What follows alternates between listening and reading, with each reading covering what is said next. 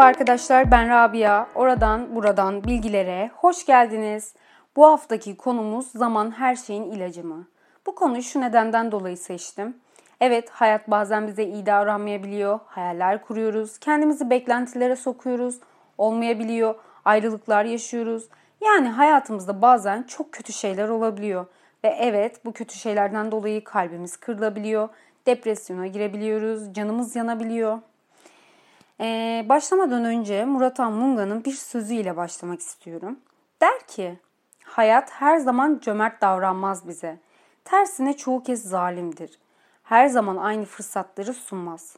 Toyluk zamanları ödetir. Hoyratça kullandığımız arkadaşlıkların, eskitmeden yıprattığımız dostlukların, savurganca harcadığımız aşkların hazin hatırası ile yapayalnız kalırız bir gün. Bir gün akşamüstü yanımızda kimsecikler olmaz ya da olanlar olması gerekenler değildir der Murat Anmungan. Ki çoğumuz bu sözleri yaşamıyor muyuz kimi zaman değil mi? Sonra belki tecrübe etmiştir, belki üzüntümüzü paylaşmak için bir büyüğümüze, arkadaşımıza yani kısacası yakın duyduğumuz kişileri anlatıyoruz. Ama onlar genellikle bize aman zamanla geçer işte üzülme, zamanla unutursun gibi sözler söylüyor. Ki biz bu sözlere sinir falan oluyoruz ve kimsenin bizi anlamadığını falan düşünüyoruz. Aslında bakıyoruz ki eski üzüntülerimizi, acılarımızı, yaşadıklarımızı geride bıraktığımızı görünce gerçekten de bu büyüklerimizin, arkadaşlarımızın falan bir bildiği oluyormuş diyoruz. Ve bunu zaman geçtikçe, büyüdükçe, olgunlaştıkça anlamaya başlıyoruz değil mi? Bu herkesin bastıra bastıra söylediği zaman her şeyin ilacıdır sözüne karşılık hemen sizlere bir deneyden bahsetmek istiyorum. Şimdi deney şöyle 1978 yılında Northwestern Üniversitesi tarafından yapılıyor. Bu deneyde 3 grup inceleniyor. Birinci grup yakın zamanda ikramiye kazanmış 22 kişi. İkinci grupta hayatında hiçbir değişiklik olmamış 22 kişi ve son olarak üçüncü grup yakın zamanda kaza geçirerek felç kalmış 22 kişi bulunuyor. Şimdi bu deneyde her grubun mevcut hallerinden mutluluklarına 5 puan üzerinden değerlendirmeleri isteniyor. Birinci grup yani ikramiye kazanmış kişiler 5 üzerinden 4 puan veriyor. İkinci grup hayatında hiçbir şey olmamış kişiler 5 üzerinden 3.82 puan veriyor. Ve üçüncü grup bu felç kalanlar 5 üzerinden 2.96 puan diye mutluluklarını tanımlıyorlar. Sonra dünyavi zevkler olarak ifade edilen işte örneğin alışveriş yapmak, kitap okumak, kahve içmek gibi artık neyden zevk alıyorlarsa has puanlanmasına geçiliyor. Birinci grup bu ikramiye kazananlar 5 üzerinden 3.33 puan veriyor. Üçüncü grup felç kalanlar 5 üzerinden 3.48 puan veriyor. Yani sıradan kabul edilecek aktivitelerden alınan hazzı azalttığı ortaya çıkıyor. Bunu da şöyle örnek verebiliriz. Mesela maddi durumu orta. Yani aslında orta seviye kalmadı da neyse ya da maddi durumu düşük olan kişiler yılda bir mont alabilmek için işte gecesini gündüzüne katıyor ve bunu alınca ne kadar mutlu oluyoruz oluyor değil mi?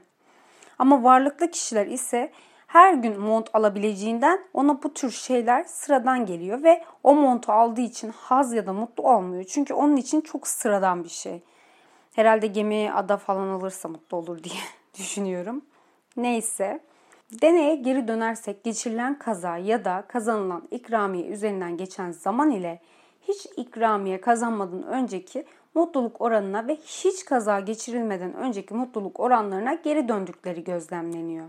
Mesela kendimden örnek vereyim. Ben mutluluk seviyeme 5 üzerinden 3 veririm. Sakın şey düşünmeyin. Ay ne kadar mutsuz bir kızmış ya falan. Arkadaşlar ben mutluluk veya mutsuzluk olaylarına çok takılmam. Yani hatta hep nötr falan olayım kafasındayım. Benim için açıkçası huzurlu olmak böyle daha önemli. Daha böyle keyif insanıyım. Keyfim bozulmasıncılardanım. Aklıma da şey geldi yaprak dökümü. Ama ağzımızın tadı kaçmasın Ali Rıza Bey. O yani o moddayım arkadaşlar. Neyse diyelim ki çok istediğim benim için çok önemli bir şey olmadı benim mutluluk seviyem büyük ihtimalle 1'e falan düşer. Ama zamanla bu 1 puanım genel mutluluk puanım yani 3'e tekrar çıkıyormuş. Ama diyelim ki çok istediğim, hayalini kurduğum bir şey oldu. Mutluluk seviyem 3'ten 4'e çıkar. Ama zaman geçtikçe gene 3'e dönermiş. Yani arkadaşlar buradan da anlayacağımız üzere her insanın kendine has bir mutluluk seviyesi var. Evet bazen İnişli çıkışlı olaylar sonrası bu mutluluk seviyemiz aşağı yukarı hareket edebilir.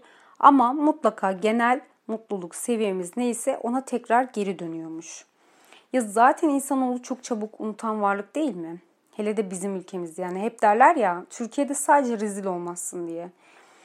Evet, dün ağladığımız, kırıldığımız, bizi depresyona sokan olayları, kişileri unutmuyor muyuz? Yani sadece kötü tarafından da bakmamıza gerek yok. Çok sevdiğimiz ailemiz, arkadaşlarımız, sevgililerimizle birlikte gülüp eğleniyoruz. İşte mutluluklarımızı, heyecanımızı paylaşıyoruz. Hatta en önemlisi zamanımızı paylaşıyoruz ve bir hatasıyla o mutlu anılarımızı kesip atmıyor muyuz? Ya aslında Allah'ın rahmeti olan nisyan sayesinde acılarımızdan kurtuluyoruz. Gereksiz şeyleri hafızamızdan siliyoruz. Ha tam unutuyor muyuz? Burada da hep aklıma e, Fi dizisindeki Can Manay'ın sözü gelir. Hani derdi ya insan olaylar ve nedenleri unutur ama o insanın sana neler hissettirdiğini asla unutmazsın. Evet aklımıza geldiğinde ya da bu bizi arkadan bıçaklayan kişileri gördüğümüzde canımız yanmıyor ama hani neler yaşadığımızı hissettiğimiz acılarımızı anımsıyoruz. Bazen de hiçbir şey anımsamıyoruz. Hani geldi geçti aman diyoruz. Yani kısacası insanlar hafızayı beşer nisyan ile malüldür. Yani unutkanlık insan halidir. Anlamında olan atasözümüzü de söyleyip podcast'imi bitiriyorum. Haftaya görüşürüz arkadaşlar. Kendinize çok iyi bakın.